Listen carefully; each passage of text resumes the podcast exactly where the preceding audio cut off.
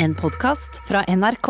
Både Dagbladet og VG har kjørt eh, mange saker i det siste om eh, spiseforstyrrelser og toppidrett. Så temaet denne gangen følte vi eh, var ganske naturlig. Nå er det mange av disse historiene som handler om hvordan det var. Det er spesielt én historie som VG har fortalt som jeg syns er nokså utrolig. Det er fra 80-tallet, og juniorlandslaget var på samling i Crans Montana. Og da forteller de jentene som var aktive den gangen, at eh, de ble fordelt på to ulike bord i forbindelse med en bursdag. Og så fikk eh, utøverne på det ene bordet lov til å smake på bursdagskaka, mens utøverne på det andre bordet fikk kakenekt. Og de ble oppfordret til å finne ut hvordan de skulle slanke seg. Og så bestemte treneren at et par stykker av dem ikke hadde godt av kake. Og de ble plassert på et bord i andre enden av lokalet sammen med landslagslegen og treneren. Og der skulle de snakke om hvordan de kunne bli tynnere.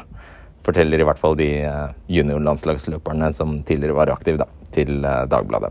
Sånn tror ingen at det er eh, i dag, men likevel så er det påtakelig hvor tabubelagt dette temaet fremdeles er. Vi har slitt veldig med å finne deltakere til denne debatten, og mange trakk seg nokså i siste liten. Så det er tydelig at dette er vanskelig å snakke om fremdeles. Vi elsker jo idrettsheltene våre. Vi heier dem fram, vi jubler når de vinner. Men hva gjør vi hvis det viser seg at de egentlig lider av livsfarlige spiseforstyrrelser?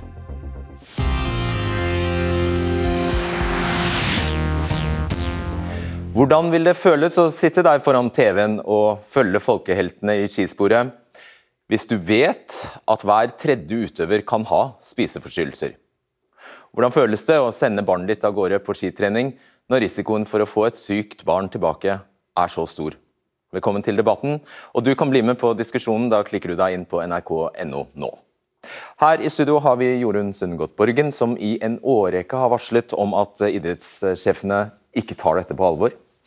Og så har vi Vibeke Sørensen, som har den litt utakknemlige jobben her i kveld fra Idrettsforbundet, som beskyldes for tåkelegging av Sunne Godtborgen. Eh, dere skal få følge med nå, fordi vi skal få et eh, knippe historier.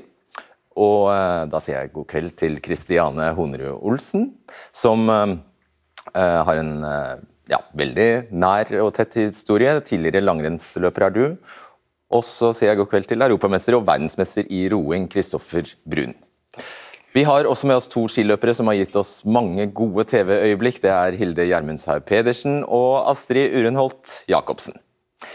Vi starter med deg, Hilde Gjermundshaug Pedersen. Du er jo tidligere toppløper, tok medaljer i VM både i 2003 og 2005. Men veien dit har vært lang og vanskelig, og det kunne alle som leser Dagbladet i dag lese. Du var en av verdens beste juniorløpere rundt eh, ja, på 80-tallet. Hva, hva opplevde du? For det første så må jeg si at det er en veldig vond historie som vi nå skal stå og fortelle. Og jeg kom jo inn på juniorlaget. Jeg var jo en god juniorløper. Hadde kommet ganske lett til det. Trent lite, men jeg hadde sikkert noen gode gener. Og var til slutt uttatt på juniorlaget. Kom meg inn der, og det var jo et kjempemiljø, og jeg hadde det superfint. Men eh, så kommer det, så starter noe som jeg ikke er forberedt på sjøl. Jeg får beskjed om å gå ned i vekt. Du skal ikke ha smør på brødskiva. Du skal ikke ha kaker. Ja. Det er fryktelig å få den beskjeden, eh, for jeg har ikke tenkt tanken sjøl. Overhodet ikke sett for meg at jeg er tjukk. Og jeg blir heldigvis ikke veid, men, eh, for jeg vet ikke hvilke normer de gikk etter. Så jeg kjempa meg gjennom hele junioralderen eh, med for så vidt gode resultater. Men eh, jeg takla jo ikke presset. Det var der hele tida. Og jeg var på rekruttlag, og jeg kom inn på elitelaget. Og til slutt så var jeg helt tappe for eh, det å ha noe energi for å trene og ha det moro. Jeg følte at jeg hadde tapt kampen før jeg kom på startstreken. Idrettsgleden min var borte i en alder av 22 år. Og jeg tenker at uh, i puberteten så er du i en krig med deg sjøl, og det tenkte du litt på akkurat da, men det har jeg tenkt på i ettertid, at du er i en krig med deg sjøl da. Så sånn er det. Hvem var det som fortalte deg at du var for tung? Nei, det, Jeg vil ikke navngi folk, men det var jo trenere på laget. Mm. Ja. Og Ifølge Dagbladets undersøkelse så var du ikke alene. 42% av eh, junior- og elitelandslagsløperne fra 1978 til 1986 som har medvirket i Dagbladets undersøkelse, opplyser at de opplevde slankepress fra landslagsledelsen, og 35% av skijentene i denne epoken som har medvirket i undersøkelsen, de sier selv at de slet med spiseforstyrrelse. Eh, flere av lagvenninnene dine har fortalt eh, Dagbladet om episoder der ja, trenerne f.eks. tok vekk maten for at du ikke skulle spise. Kan du huske det selv? Jeg husker det i bruddstykker. Jeg tror jeg var i en tåke. Jeg forsto ikke helt hvor jeg var hen hele tida. Det, var, det var bare til moro.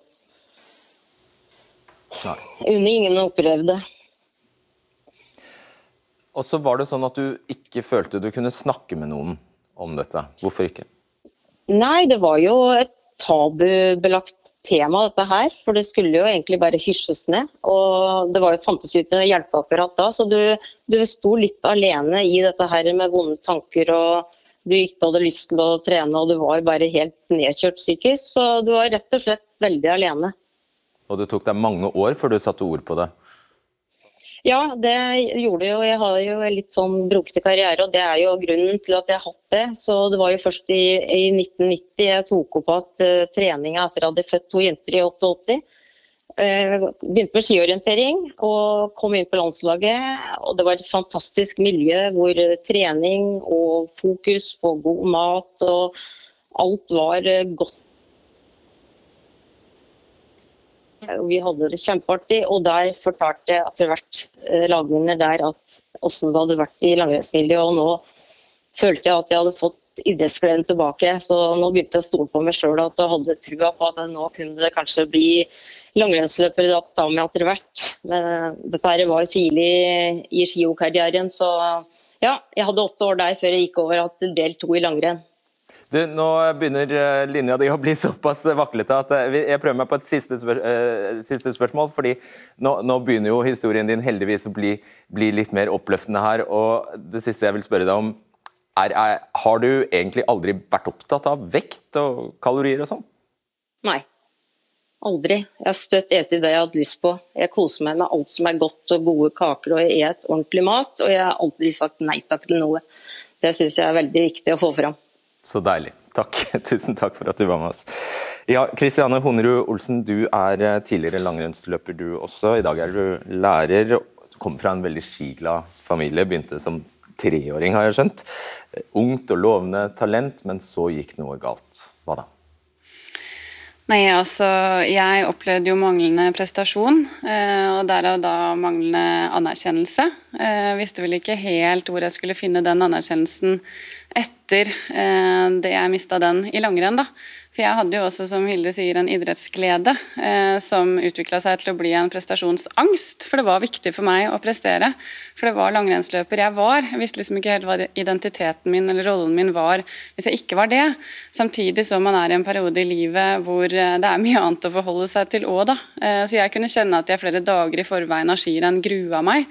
Både til å ta på meg skidressen, for jeg opplevde at jeg var for stor. Jeg sammenligna meg med andre utøvere. Eh, samtidig som jeg grua meg til å igjen oppleve et nederlag prestasjonsmessig. Mm. Og Deg har vi lest om i VG. VG har også satt uh, sterkt fokus på dette med spiseforstyrrelser innen idretten i det siste. Du har sagt at du ikke nødvendigvis følte noe press overfor deg personlig på det å gå, gå ned i vekt, men at det var, bare lå der i miljøet. På hvilken måte da? Ja, jeg var så heldig at i mitt nærmiljø så kan jeg i hvert fall si en dag i dag at jeg veit ikke om noen som hadde de samme tankene som meg. Eh, men jeg produserte disse tankene selv fordi jeg så på de beste selvfølgelig, og lurte på hvordan kan jeg få den prestasjonen tilbake. Hvordan kan jeg hevde meg igjen? Eh, og I mine øyne så var det å spise lite et middel for å kunne gå ned i vekt, og dermed da kunne hevde seg i de løypene som var prega av lange motbakker og favoriserte en kroppsmodell som min kropp utvikla seg til å gå eh, vekk fra. da. Fordi de beste var veldig tynne? Ja, i mine øyne så var de det. Ja, det er mange utøvere som har sagt, eh, takket nei til å delta i debatten i kveld for å snakke om dette temaet. Det er jo ømfintlig, det er sårbart. Og det er heller ikke veldig vanskelig å forstå at det ikke er enkelt å snakke åpent om spiseforstyrrelser når man er aktiv utøver. Og Derfor var det spesielt det vi kunne se i Dagsrevyen tidligere i kveld, nemlig en av verdens beste skiflygere, slovenske Bård Pavlovic, som sa det som det er. Han sulter seg for å hoppe lengst mulig.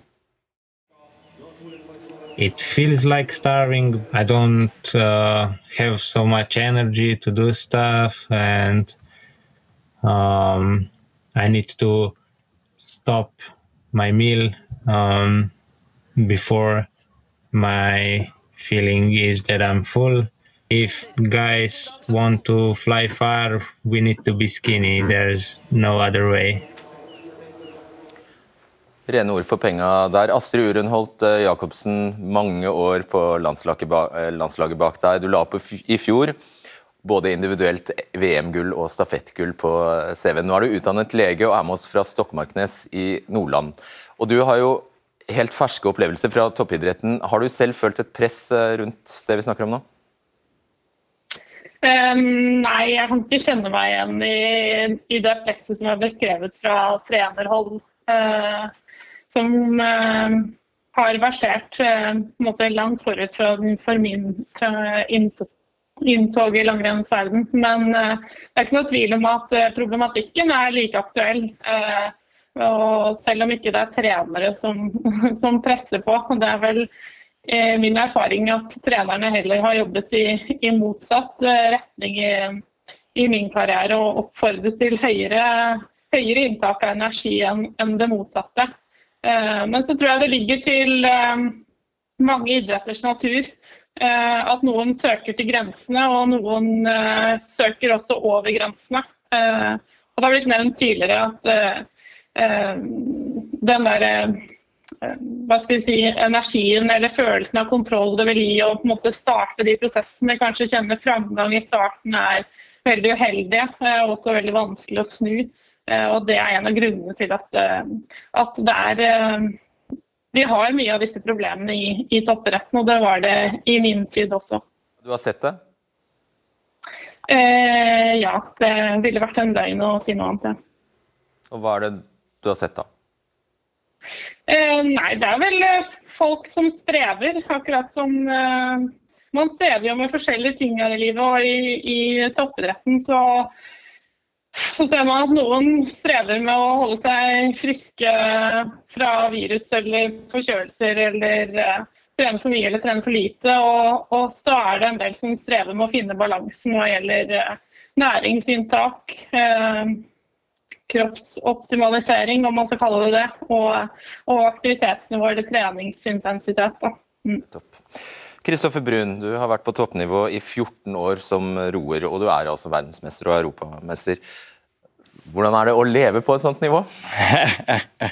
Eh, nei, det innebærer jo selvsagt en uh, hel del trening. Og Eh, jeg driver også da med lettvektsroing. Ja, for det er forskjellig? Ja, ja, det er forskjellig. Ja, det er det. Nei, du har jo en åpen klasse. Eh, hvor du kan eh, egentlig være hvilken vekt du vil. Og så har du lettvekt der du må veie inn på 70 kg to timer før hvert løp. Ja. Eh, og det er jo en, en balansekunst. Ja, for Vi har kunnet lese at du er ikke naturlig 70 kg. Eh, nei, kanskje ikke nå, men jeg begynte jo, så når jeg begynte å roe lettvekt, så var jeg nok nærmere 70 kg eller under. Men kroppen utvikler seg gjennom, gjennom, årene. Så det er jo kanskje ikke Nå er jeg nok ikke naturlig 70, det er jeg ikke. Og Hva har du, måtte, du og din makker, da? hva har dere måttet gjøre? Nei, du kan jo si at Vi har litt sånn sesongbasert opplegg der vi eh, på vårparten eh, Der har vi jo et, et, et striktere kostholdsregime for å nå vekten. Det er jo på en måte et nødvendig onde for å nå det. Det har liksom aldri handlet om å For oss har det jo aldri handlet om det, direkte den spisingen, men det har alltid handlet om å prestere. Så um, vi får si, liksom riktig energi og, og, riktig mat, men allikevel liksom på en profesjonell måte gå ned i vekt. Ja, er... Der har vi fått Det må jo bare tilføye at vi har fått utrolig god oppfølging på fra Olympiatoppen og Anno Covisto der oppe, som har vært eh, veldig viktig for oss. Ja, for Din historie er at du opplever at det har skjedd på Du har, du mener, du har til og med ment at dette var en del av utfordringen? Ja, ja men jeg, jeg, jeg, synes jo ja, altså, For det, det, er jo eh, det er jo såpass stor del av idretten, så det er jo et element man må prestere på. Altså, det Man må være ganske rigid og, og flink på den biten for å kunne prestere på 70 kg. Men hva gjør det med en, eller deg, da, mentalt? Det må jo være det må jo være slitsomt? Alle som har slanket seg, syns jo ikke det. Det er jo en fest, så det er jo ikke den der eh, kjempegøy å gå på kaloriunderskudd. Det er det jo ikke. Men eh, så lenge man liksom får i seg jevne måltider og næringsrikt riktig, så går det jo greit. Og man ser jo også at vi presterer ganske bra. Så jeg synes Ja, det får man liksom, si. ja, ja, det det er en utfordring, det er ingen tvil om. Men det, jeg biter meg merke i at du kaller det slanking. Jo, jo, men det, man går jo ned i vekt. Det gjør man jo. Men du kan jo også kalle det kroppsoptimalisering. eller Man går ned i fettprosent og prøver å beholde muskelmasse. og sånt. Så man, eh, og vi har jevnlige målinger, kroppssammensetning og blod, blod, blodprøver og alt. Så jeg føler at vi, vi er godt ivaretatt, i alle fall. Ja, og så bare en liten detalj. Altså, jeg skjønte For å få gå ned de to, to siste kiloene, hva er trikset da? Nei, Da tar vi eh, ofte en, eh, en varm dusj, og så eh, på med regntøy og ullundertøy og sånt. Så de tar vi på væske, da. Det er liksom den akutte siste. væske, ja. ja. Okay. Det, Ja, vel bekomme. ja. Greit. Uh, vet du hva? Skal det, ja, Vi tar en rask reaksjon eh, på dette. her. Jorunn Sundegård Borgen, du er altså professor ved seksjon for idrettsmedisinske fag ved Norges eh, idrettshøgskole. Her har vi jo tilsynelatende to leirer, på en måte. Eh, hvilken føler du er mest representativ for det som skjer? Jeg synes jo Vi har hørt to tragiske historier hvor to jenter, kvinner som elsket idretten sin, har sluttet fordi at vekt, fokus og spiseproblematikk ble hverdagen deres. Eh, Det er jo ikke slik vi ønsker at den skal være, selvfølgelig. Og så har vi en voksen utøver som har optimalisert vekt med et eh, system rundt seg som gjør at det er under kontroll. Og selvfølgelig er det stor forskjell på å være i pubertetsutvikling og begynne å styre med kropp, vekt og mat, og det å være en voksen, etablert utøver hvor du har et apparat rundt deg. Men det jeg syns er spesielt, det er at nå får vi disse egentlig tragiske historiene. Eh, Og vi har jo i mange år, helt siden starten av 90-tallet, så har vi gjort vitenskapelige undersøkelser og dokumentert forekomsten av spiseforstyrrelser blant landslagsjenter og gutter. Vi har vist at andelen som har problemer er langt høyere enn i aldersmatchede eh, grupper. Eh, Og Allikevel så, så hører vi nå at ledelsen sier at visste ikke at det var så ille. Vi begynte å si noe om det allerede i 92. Og til og med en del av idretten sier at vi anklager de for at det er et problem. Vi som jobber med dette feltet her, vi jobber jo med dette feltet for at utøverne skal ha det bra. At de skal få fortsette i idretten sin og konkurrere og holde helsa. Hold litt på kruttet, Sundgodt eh, Borgen. La oss nå høre om det er eh, Om du vil si, si det hun eh, påstår her, at dere blir overrasket. Vibeke Sørensen, du er første visepresident i Norges idrettsforbund.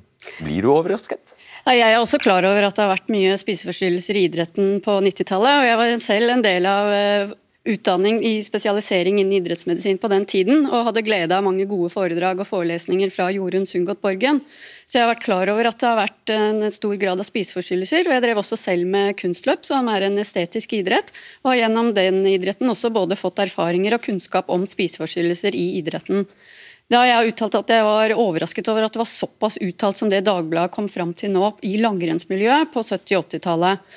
Og Det er større utbredelse enn det jeg eh, visste. Men at vi har hatt en utfordring og et problem med spiseforstyrrelser, vekt, ernæring og trening, det har jeg vært veldig klar over. Og Gjennom de årene jeg har vært en del av idretten, har jeg også forsøkt å bidra med kompetanse, informasjon og utdannelse i forhold til det. Og resten av eh, ordskiftet her får, skal også dreie seg om dere har gjort nok, da. Takk, eh, tusen takk til Hilde Gjermundstad Pedersen og Kristoffer Brun. Og Da skal vi ta inn toppidrettssjef Tore Øvrebø og Øystein Andersen, som er medisinsk ansvarlig for langrenn i Norges eh, Skiforbund. Velkommen til dere. Eh, dere også, mine herrer, skal få høre en eh, historie her. Jeg skal ønske velkommen til Sissel Bjerkenås og Kitty Dahl. Fordi det er sånn at eh, Velkommen til eh, dere. Ja eh,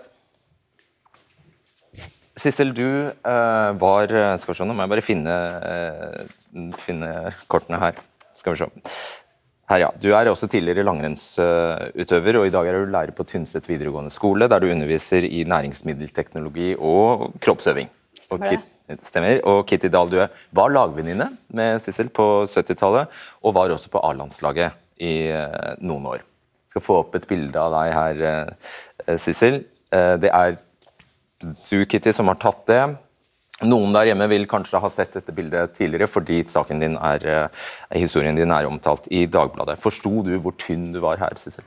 Uh, Kitty ville jo prøve å hjelpe meg, så hun tok jo bildet og skulle prøve å på en måte vekke meg. Og jeg falt nok i gråt.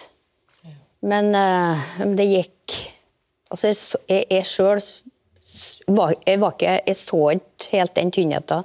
Så ikke? Selv om jeg på en måte skjønte jeg hadde et problem, så så jeg ikke det. Så jeg var på et stadium til den sykdommen der eh, du ser det sjøl på en bilde, men du ser ikke at du er tynn. Og Kort fortalt var du uh, norgesmester i uh, junior da du ble norgesmester i langrenn. Du kom også med på rekruttlandslaget etter hvert. og der ble flere av lagvenninnene dine bedt om å gå ned i vekt, men du ble ikke det? Nei, jeg er jo fra naturens side ganske tynn, men eh, jeg fikk jo høre at eh, noen av mine lagvenninner hadde for mange kilo på rumpa og kanskje begynte å gå ned i vekt. Og da tenkte jeg at hvis de blir bedre av å gå ned i vekt, så blir sikkert jeg òg det. Og her er det jo, du ønsker å bli best. Så da gikk jeg jo inn for det, da. Nettopp. Så det er nesten litt av det samme som Kristiane forteller. Det, ja. ja, det blir jo på Bare observere kan utløse det. Uh, Kitty, hva tenkte du da du tok det første bildet vi så? Nei, uh, jeg gjorde jo det fordi jeg hadde lyst til å se om hun kunne se selv at hun var tynn. Fordi hun, da hun kom til meg, så så ikke hun selv at hun eh, hadde noe problem. Det var moren hennes som var helt desperat, og sendte henne da til meg, som da var like gammel og egentlig hadde bare grunnfag i psykologi på det tidspunktet. Ja, 19 år. Nei, det var litt Jeg var 22, okay. fant vi ut, så jeg var litt eldre, men allikevel bare ett år grunnfag. Og, og rett og slett visste ikke helt hva jeg skulle gjøre, så jeg prøvde da å hjelpe henne så godt jeg kunne. Mm. Og første steg var det bildet? Ja, det var litt sånn for å se om hun så det. og Da begynte det å gråte, og en liten kort tid så at det var ille. Men det gikk, som sagt, det gikk fort tilbake. Mm. Og Så ble det sånn etter hvert at din kropp ble helt utslitt. Dette bildet er tatt av deg. Du vil at vi skal vise dette? Ja, jeg kan vise det til skrekk og advarsel, for det er de åra der Det var ikke noe artig, altså. Jeg er ganske imponert at hun står frem og viser det. Mm. Når du har den kroppen der, da har du ikke overskudd til noe. Du blir sliten av å vaske gulvet. Du må gå og legge deg når klokka er åtte. Når de andre går og har det moro, så må du gå og legge deg. Da føler du at du lever ikke, du kun eksisterer. Da blir du deprimert, og da kommer selvmordstankene. Men du fikk meg jo til lege som tok, fikk noen sånne lykkepiller, da. Ja, altså På den tiden så altså det var, Jeg visste ikke hvor jeg skulle søke hjelp. og det var På den tiden så viste at det var ca. tre-fire mannlige leger som jobbet noe med det feltet. Og så prøvde jeg å finne hvem var det som var best for henne, og henne å komme til, og da fant ja, fant noen som jeg i hvert fall hun fikk kontakt med. For selv kunne jeg egentlig ikke gjøre så mye. Nei. Jeg skal bare legge til at her er du øh, 32 år. Uh, vekta di kom så langt ned som 35-36 kilo. Du hadde et skjelett som en 75-åring og ble omtalt av lagvenninnen din som uh, nettopp et uh, levende skjelett i garderoben. Hva var det som etter hvert skjedde som gjorde at du heldigvis til slutt kom deg ut? Nei, jeg, altså jeg, jo, jeg er utdanna næringsmiddelteknolog og jobba innen Mattilsynet, nå da, Næringsmiddeltilsynet da. Og jeg jobba jo, men til slutt sa jo kroppen min å stoppe. Så da ble det sykmeldt, og så, og så fikk jeg sånn tilbake til jobbopplegg. Og Der var det da en kollega av meg som kjente til ei jente som hadde vært syk i mange år, men som nå var frisk. Og På et eller annet måte så fikk jeg snudd den eh, tankegangen. Og, og, jeg heller skjønte at nå, hvis jeg ikke klarer nå, så dør jeg jo. Jeg har sikkert kunne gjort det mange ganger før, men da klarte jeg altså å snu. Og da klarte jeg å legge på meg da klarte jeg, men da hadde jeg på en måte en slags abstinenser. Jeg kjente jeg skalv hele kroppen når jeg prøvde å tvinge det så enkelt som i brødskive med brunost. Men de første fem kiloene, når jeg klarte det, så var veien mot et friskt liv starta. Det tok mange år. For ja, fordi Fortell hvor det har Det er nettopp det det har. Hvor, hvor mange år har det tatt? Nei, sånn totalt fra er vel 30-40 år, tenker jeg. I, I, forhold til Altså, jeg var jo så syk da. Jeg var jo men det er jo ja, altså med senvirkninger og bygge opp at hele kroppen som står her i dag, det har tatt år, ja. Fordi det som følger med et så skralt skjelett, det er altså hva, hva skjer? Nei, Jeg mista jo menstruasjonen som 17-åring, og den gangen syntes jeg det var godt. for jeg syntes det var noe herk. Men det var jo ingen da som fortalte meg at det her går utover ben, bentettheten din. Så når jeg kom da til legen og fikk konstatert det, så hadde jo en skjelett på en 75-åring, 30-åring. Altså utstrakt osteoporose. Men så fikk jeg da heldigvis eh, bygd opp igjen, etter hvert frisk, med både medisin og jeg har jo bygd opp igjen kroppen nå, med muskelmasse. Men det har vært ganske mange timer i, på et treningsstudio. Litt inspirert av dette, så utdannet du deg vel i, i, i, den eh, retningen? Ja, det var absolutt med på. Det var ikke bare uh, Sissel Wag, mange andre skjebner. Og selv gikk jeg også og møtte veggen. Sånn at jeg var veldig interessert i sammenheng mellom fysisk og psykisk helse. Så da dro jeg til Amerika og studerte i mange år. Og Hva tenker du i dag om den eh, ja, Det var jo ikke behandling, men den, den måten hun ble eh, behandlet på? Nei, altså, det var så lite kunnskap om det, og det var veldig liten forståelse, spesielt det der faren med å eh, miste menstruasjon. Selv mistet jeg menstruasjonen i mange år, og jeg, jeg, var bekymret for det og dro til leger, og de sa det var Det skulle jeg ikke bekymre meg for. og og det var lite forståelse på faresignalene som kom. Og sånn som med Sissel, det at hun har greid å snu dette her med såpass alvorlig anoreksi som hun hadde, så er jo dødeligheten stor, og sjansen for at det ordentlig kan snus rundt, er dessverre ikke så høy. Det er jo faktisk sånn at mange blir overrasket når de får høre at du, at du er i full vigør. Faktisk, sånn, sånn er det. Uh, hva, hva, er ditt, eh, hva er budskapet ditt til dagens utøvere? Nei, jeg vil jo si at Hvis en er trener eller ut, eh, forelder til utover i 14-15-16-årsalderen, skal, skal han ikke snakke mat. For her har du eh, eh, ungdommer som har en kropp i forandring, det er følelser og hormoner, og da skal det så lite til. En liten som du har litt for mye på baken, er nok til å sette i gang spiral. Så ikke snakk om mat. Og så det med menstruasjon. Du må passe på det med hvis menstruasjonen kommer bort, så det er et tegn. Nå gir kroppen signal at nå har du for lav fettprosent, og det vil gå utover bentettheten. Tusen takk for at du fortalte historien din, Sissel Bjerkenås. Du blir med videre, Kitty. Du kan ta plass eh, der. Temaet vi skal diskutere, er altså om idretten har et usunt fokus på vekt. Jeg tror du skal få fortsette der du, der du slapp i sted først, Sunnegodt godt, Borgen, hva vet vi om utbredelsen, hva vet vi om tilstanden i dag? Dette var jo lenge siden. Dette var lenge siden, men de første tallene eh, produserte vi i 92. Da fant vi at eh, når vi så på alle landslagsjenter, junior og senior, alle idretter, 20% av landslagsjentene sammenlignet med 5% i den generelle populasjonen hadde spiseforstyrrelser. I 2004 så publiserte vi en undersøkelse der vi så på både guttene og jentene på landslag og juniorlandslag. Da fant vi at litt over 20% av jentene hadde spiseforstyrrelser, og 8% av guttene på landslag. Og igjen langt høyere enn i samfunnet for øvrig. Og I 2014 så, så vi på disse unge utøverne våre som går på toppidrettsgymnasene, som ønsker å ta medaljer for oss i fremtiden. Og Da var det dessverre slik at 14 av jentene hadde spiseforstyrrelser, og 3% av guttene. Og de har 16 år. Og når du sier spiseforstyrrelser, hva er det? Spiseforstyrrelser, Vi pleier å si at det går på et sånt kontinuum. Så I starten så er det det noen snakker om når man begynner å regulere vekt og redusere litt på energiinntak, og at man kommer i en situasjon hvor man har lav energitilgjengelighet.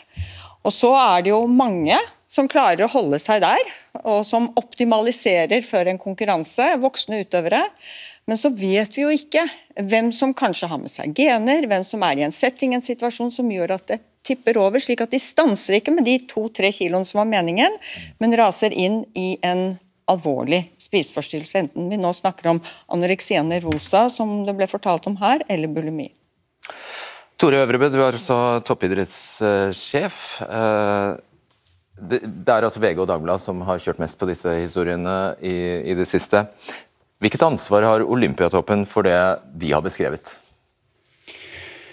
Eh, Olympiatoppen ble etablert som et prosjekt som et prosjekt eh, 88 i 1984. Så det er jo langt ute i disse historiene. da. Det er jo veldig tidlig. Og jeg må jo kunne, altså Det har vært sterke historier. Eh, vi anerkjenner jo de, og vi ser jo at det har vært eh, fryktelige ting som har skjedd eh, blant utøvere. Eh, men vi kan iallfall si det at kompetansen rundt disse tingene har blitt dramatisk forbedret siden disse aktuelle historiene var framme. Ja, Så du føler at dette er, eh, dette er eh, snøen som falt i fjor, og nå er det ikke sånn? Er det riktig forstått? Ja, langt på vei, men det vil jo være tilfeller i, også blant utøvere som får problemer med, med spising og utvikler det til spiseforstyrrelser. Det vil det alltid være en andel av, og de må vi forsøke å forebygge så godt vi kan. Men eh, vi vil nok fange det opp på en helt annen måte enn det ble gjort den gangen. Og kompetansen rundt måten vi håndterer disse problemstillingene på, er blitt betydelig forbedret. Den er såpass bra da, ja. at de, de, mekanismene som vi har ut, utviklet, de programmene, de ble jo da hyllet internasjonalt, og IOC har tatt det til seg og oppfordrer andre land til å gjøre sånn som Norge gjør, for der har vi fokus på helse foran prestasjon og det vil jo være med å forebygge at det kan oppstå den type tilfeller. Det er veldig kort, eh, for det, Nå er det lett å bli forvirret her. Dere gir jo helt forskjellige versjoner av virkeligheten. Ja, jeg har ikke sett noen dokumentasjon på at det er bedre i dag, dessverre. Jeg er helt enig i at uh, norske idrettsmedisinere i dag de har god kunnskap også om dette feltet her, noe de ikke hadde på den tiden som vi har hørt historiene fra. Men at det ikke er like mange som har problemer som det vi har vist tidligere, det har jeg ikke sett noen dokumentasjon på. Tvert imot så viser jo Sunn idrett sin eh, antall henvendelser som de har fått bare den siste tiden, det er jo økt dramatisk. Eh, henvendelser i forhold til spiseproblematikk. Ja, og skal vel legge til hvem Du skal få forklare hva sunn idrett er. tror jeg. Ja, altså, først vil jeg også gjerne takke de eh, som har stått frem med sine historier. Det er sterke historier, og det er veldig sterkt å dele dem. Eh, og det er veldig viktig for oss å, å høre om dem. Og så er det sånn som Tore var inne på, jeg tror også at Olympiatoppen har mye mer kunnskap på dette området og har bedre behandlingsopplegg og mulighetene til å fange opp de som har problemer og utfordringer med mat, vekt og ernæring. Og så ser vi at uh, Sunn idrett får henvendelser. Ja, hva er det? det var... Sunn idrett er Norges idrettsforbunds satsingsorgan for å bekjempe og forebygge spiseforstyrrelser Akkurat. i idretten. Mange ansatte er det der? Vi har uh, to, og vi jobber for å få enda flere. Tør du å jobber... kalle det en satsing da? Ja, det tør jeg. Fordi vi driver forebyggende arbeid, vi driver informasjonsarbeid, vi driver uh, økt kunnskap og kompetanse ut i organisasjonen. Vi er Men La oss snakke om, om toppidretten først her nå. Altså, hva, hva, da, der spiller ikke sunn idrett noen rolle, eller? Sunn idrett samarbeider med Olympiatoppen, og de har jo også hatt samarbeid opp mot toppidrettsgymnasene. Og de har jo også samarbeidet i forhold til dette med helseattesten i norsk idrett, som også er spesiell for norsk idrett. Det er det faktisk, Øystein Andersen. Helseattesten, du sysler med den. Du er medisinsk ansvarlig for langrenn i Norges Skiforbund. Hva er det for noe? Nei, Det er en ordning som skal ivareta helsa til utøvere. Vi har helse foran prestasjon. Og vi har fokus på hele helsa, ikke bare spiseproblematikk eventuelt, men, men også andre ting som, andre lidelser som, skal, som, må forhindres i forhold til å gå utover altså helsa. Men i det siste har vi kunnet lese om helseattest i relasjon til spiseforstyrrelser. fordi det er en sammenheng her. Hvis du ikke får innfrir kriteriene for å få helseattest, da kan du få startnekt. Det er riktig. Det er en av de tilfellene som, som man kan få det av. Og hva skal til? Nei, altså det er f.eks. hvis man har altså Selve helseattesten bygger jo på en klinisk undersøkelse hos en lege. Og Det man favner opp, er jo f.eks. hvis man har uteblitt menstruasjon. Det var kjempefint at det ble poengtert her i dag. Det er jo et kjempeviktig parameter for å måle sin egen, monitorere sin egen helse hos kvinnelige utøvere. Unnskyld, Hvordan registrerer dere det? Jo, Det går jo f.eks. via at man har en samtale, en fortrolig samtale. Så det er selvregistrering? Det er selvrapportering? Eh, ja, men du, har, du, er jo også inne hos en, eh, hos en fastlege. Der du gir helseopplysninger, og vi må jo selvfølgelig stole på at det er riktig.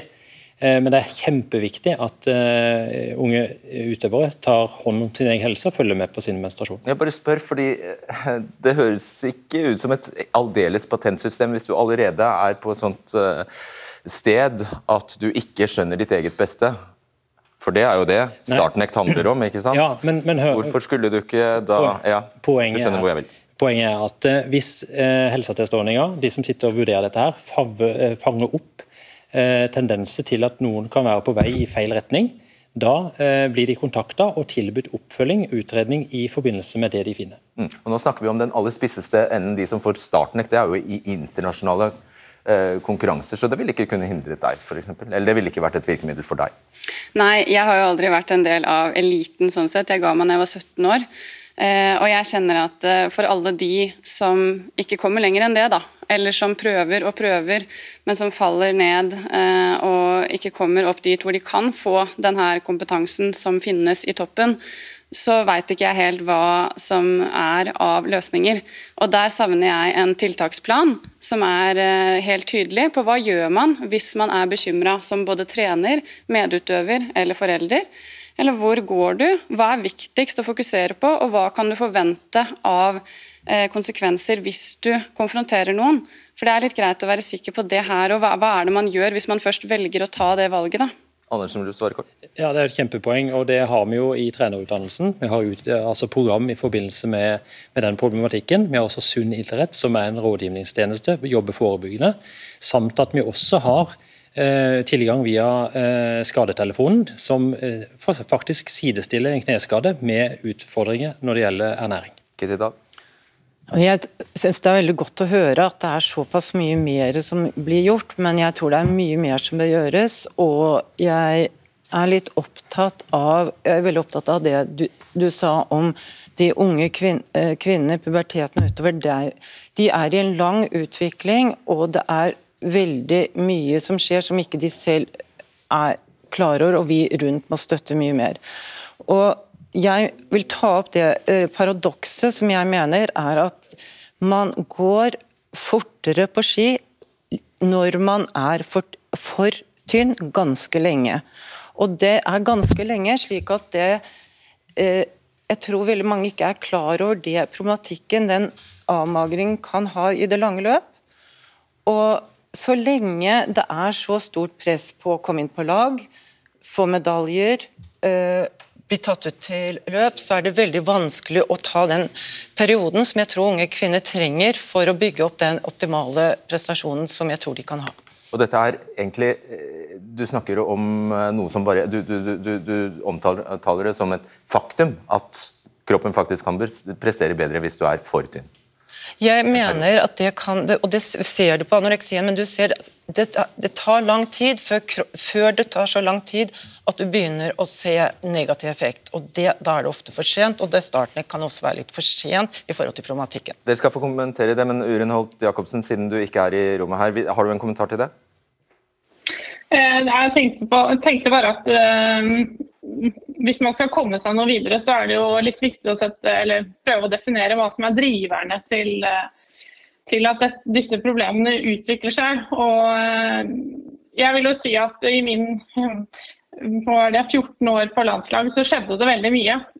Og jeg tror òg at det, eller det vet jeg, det systemet de har i dag, Eh, er med å forebygge veldig mye på elitenivå. Dette systemet som eh, Øystein Andersen beskriver med helseattest, det er en, en sikkerhetspakke som eh, beskytter mange mot å strekke strikken for langt. Og så tror jeg ikke vi skal være for, si, for raske heller.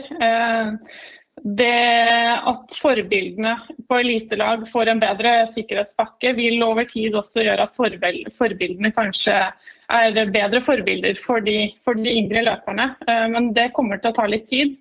Og så, eh, og så, må man finne ut hvordan man best forebygger nedover. Men jeg tror en, en driver er selvfølgelig at forbildene er gode forbilder. Og så det, det, må på en måte Skiforbundet eh, ta sin del av ansvaret for, og hver enkelt utøver ta sin del av ansvaret for. Og så er det det som heter hva skal jeg si, de nest beste og bredden, hvor man kanskje må ha andre tiltak. Og ikke nødvendigvis det er Olympiatoppen eller et elitesatsingslag som landslaget er, da, som, vil, som har ansvar alene. Tore Øvrebø, hvor viktig er vekt for prestasjoner? Ja, Vi er jo helt åpne på at i den ypperste eliteidretten så er vekt en prestasjonsfaktor. Hva betyr det? at det påvirker prestasjonen din, og det påvirker hvor god du blir, og hvilke konkurranser du vinner og hvilke konkurranser du taper. Så jo mindre du veier, dess bedre prestasjoner? Nei, nei, nei, det er ikke så enkelt. Nei, det må du forklare. Ja, altså, nå var jo Brun Kristoffer her og fortalte om at de hadde en vektgrense, så det gjaldt å ligge nærmest mulig når de skulle prestere. Det gjelder for den idretten. De tyngste klassene i bryting, da gjelder det å være stor og sterk og spise mye. Så da er det å komme opp i vekt. Og så er det noen idretter som er vektbærende. Sykling, langrenn, løping. Hvor det da er en fordel å være så lett som mulig innenfor en, en helsekontinuum. Eh, så det er jo viktig at eh, er veldig, vi er veldig åpne på at vekt er en prestasjonsvariabel i ganske mange idretter. Er det et paradoks? Sånn? Nei, det er ikke et paradoks. Det er jo bare å se på hva man skal gjøre i den idretten. Arbeidskrav i alle idretter hvis du ligger nær de forutsetninger som gir gode prestasjoner, så gjør du det bedre enn hvis du ikke gjør det. Det som er den avgjørende faktoren, er at, er, at det er åpenhet om dette, at det ikke er noe tabu rundt det, og at vi jobber med denne prestasjonsvariabelen like profesjonelt, like åpent og like faglig velfundert som vi jobber med andre eh, prestasjonsvariabler. Når han sier prestasjonsvariabel, hva, hva, hva hører du da? Nei, altså Jeg kjenner jo at jeg er ikke noen ekspert på dette. her, eh, Men i forhold til mine personlige erfaringer så er det viktig å presisere at spiseforstyrrelser de er ikke alltid synlige. Det er ikke alltid man kan se det. Og det kan være en strategi for å håndtere livet, rett og slett mestre livet. Og Som lærer så forholder jeg meg til livsmestring, som er en del av Kunnskapsløftet 2020. Og jeg tenker at Kan det være en idé å få det inn i idretten også? Det er jo tydeligvis noe regjeringen mener at det er viktig å få inn i oppdragelse og skole, og som vi lærere skal forholde oss til. Da tenker jeg kanskje det også er noe som trenere kan forholde seg til, og som er viktig å få inn i idretten. Eh, og ja, Når jeg hører prestasjonsvariabler, så, så tenker jeg jo at eh, ja, For min del så er det i hvert fall helt tydelig å se at det favoriseres i mange idretter i dag en form for kropp, eh, og at det selvfølgelig ikke alltid er jo tynnere, jo bedre. Og jeg synes også det er viktig å si at jeg anerkjenner at noen er født med en type kropp og har aldri opplevd en spiseforstyrrelse. Så vi er ikke en syk idrett. Langrenn er ikke en syk idrett. Det vil ikke jeg stå og si. Men at det finnes for mange tilfeller i dag, og at det er muligens for lite kunnskapsformidling. For selv som ung, når jeg satt der og kjente at det, dette er ikke idrettsglede lenger, dette er ikke motivasjon som kommer innenfra, så var det jo noe som var feil, tydeligvis, men hvor jeg skulle henvende meg, og hva dette her hadde av konsekvenser for meg, hvor ille det kan gå, det ante ikke jeg. For det å bare da manipulere med maten og begynne å få kontroll over noen jeg ikke kunne kontrollere min egen prestasjon eller respons fra omverdenen, da gikk jeg inn i noe som jeg ikke ante konsekvensene av på lang sikt. Vet du hva? Nå skal jeg si tusen takk for at du kom, Kristiane Honrud Olsen. Og eh, Sørensen, du skal få svare på dette mens vi gjør et lite skifte her. For, og Tore Øvrebø, også tusen takk eh, for at du eh, kom. Vi skal nemlig skifte litt over til ungdom, det som kalles ungdomsidretten. altså Det sjiktet som ligger rett under toppen her, og, som, og hva som gjøres der for å hindre usunne spisevaner. Vil du svare på det hun sa? Ja, jeg syns det er veldig fine tanker hun har, at hun deler det med oss. Og det er nettopp dette vi i norsk idrett også er veldig opptatt av. vi som også er i ledelsen, og bidra til at vi sprer kunnskap, informasjon og kompetanse ut til de som er under toppidrettsnivå. Og Da er det igjen eh, eh, sunn idrett som eh, vi ønsker å utvikle. Det at vi sier at det er et satsingsområde, betyr jo ikke at vi er ferdig satset. Dette er kontinuerlig utvikling, og vi ønsker å spre denne informasjonen enda videre ut. Og Vi har også trenerløyper hvor det er flere særforbund som allerede nå har obligatorisk at de har tatt og e-læringsprogram innen spiseforstyrrelser for å kunne bli trener i norsk idrett. Og Vi ønsker også at vi bidrar til et enda nærere samarbeid både med helsevesenet og også med skoler, for å se både hvordan vi sammen kan kommunisere for å forebygge, men også for hvordan idretten er et uh, sted hvor utøvere og også de som har problemer med næring og spiseforstyrrelser, kan få mestringsfølelse, oppleve fellesskap, og idretten er også en løsning ja på problemet. Da, eh, Apropos trenere. Tine Stahl, du er langrennstrener og har jobbet mye som trener her i Oslo-området.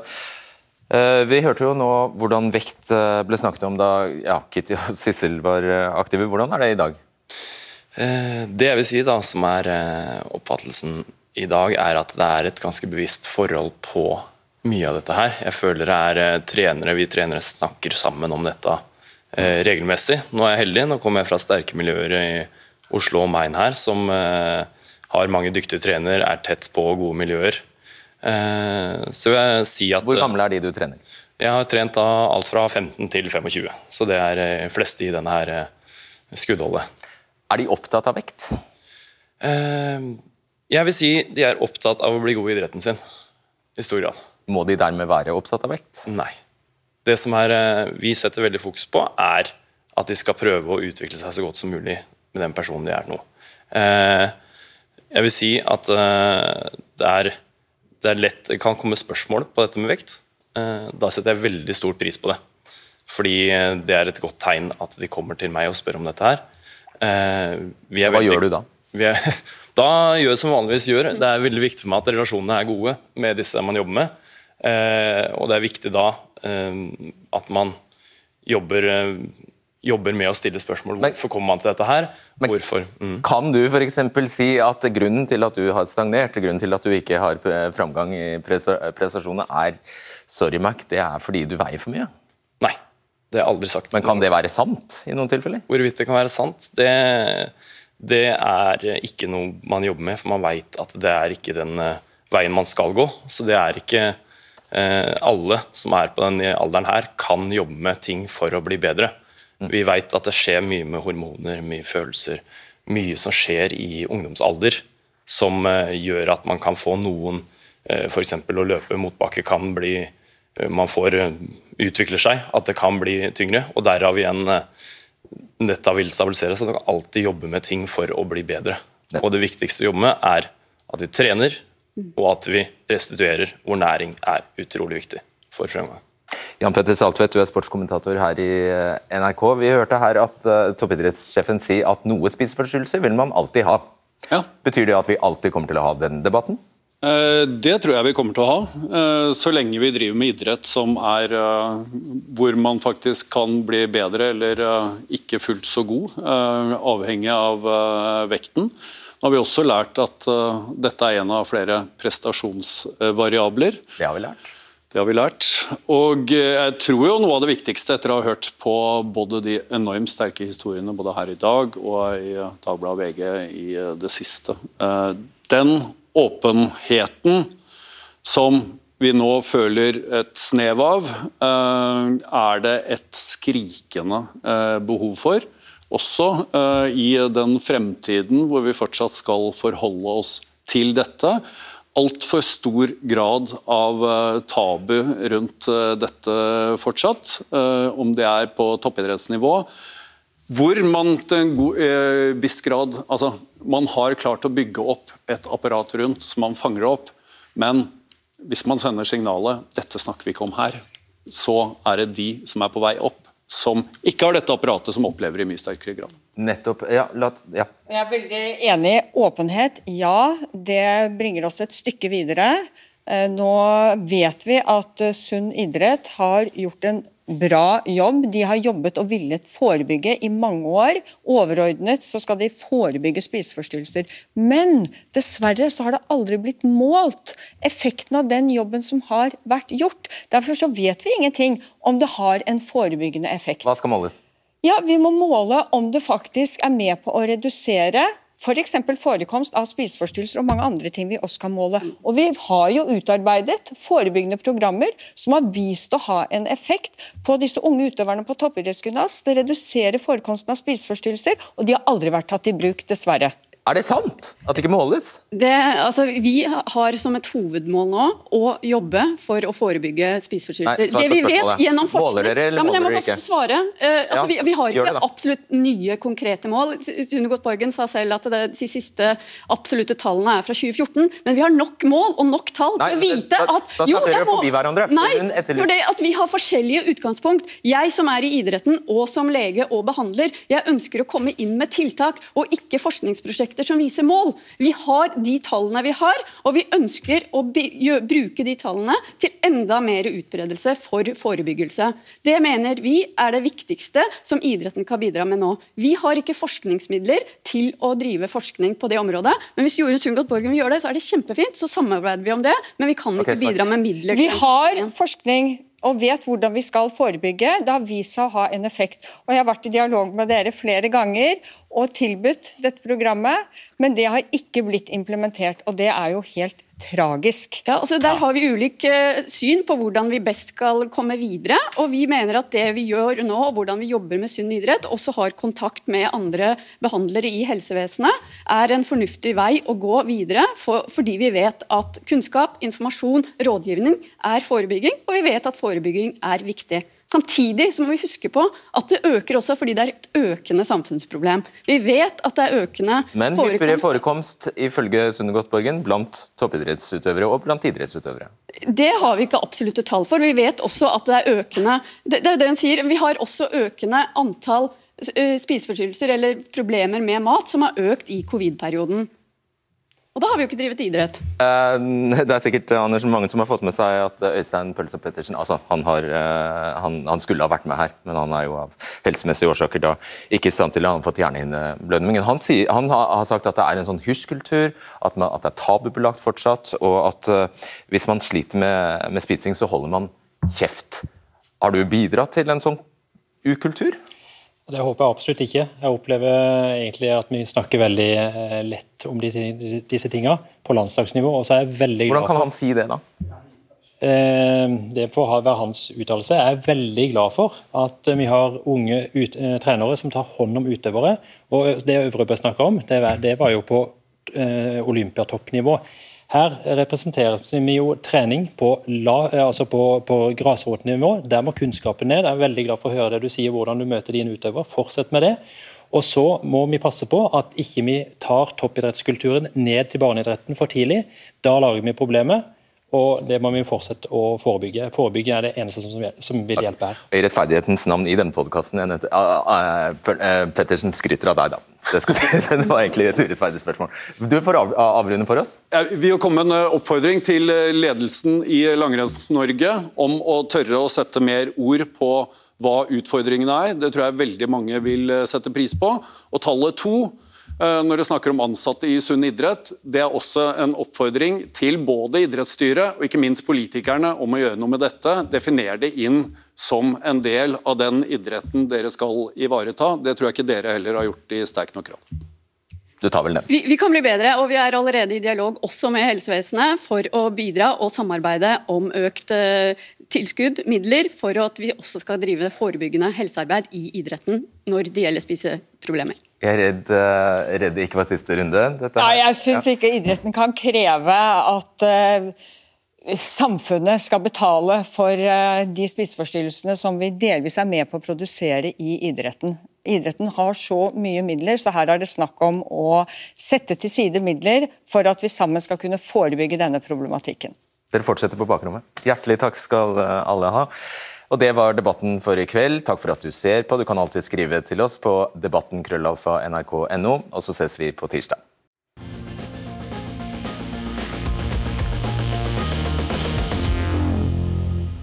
Det har vært slottsmiddag i kveld, og det gjorde også at eh, temavalgene for oss denne gangen var begrenset. Vi kunne da ikke ta et tema som der vi ble avhengig av stortingspolitikere. Og når man tenker seg om, så er det ganske mange temaer der det er veldig naturlig å dra inn folkevalgte i, eh, på Stortinget, eller regjeringsmedlemmer.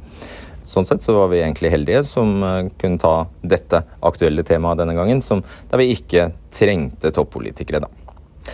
Ok, jeg tror jeg avslutter der.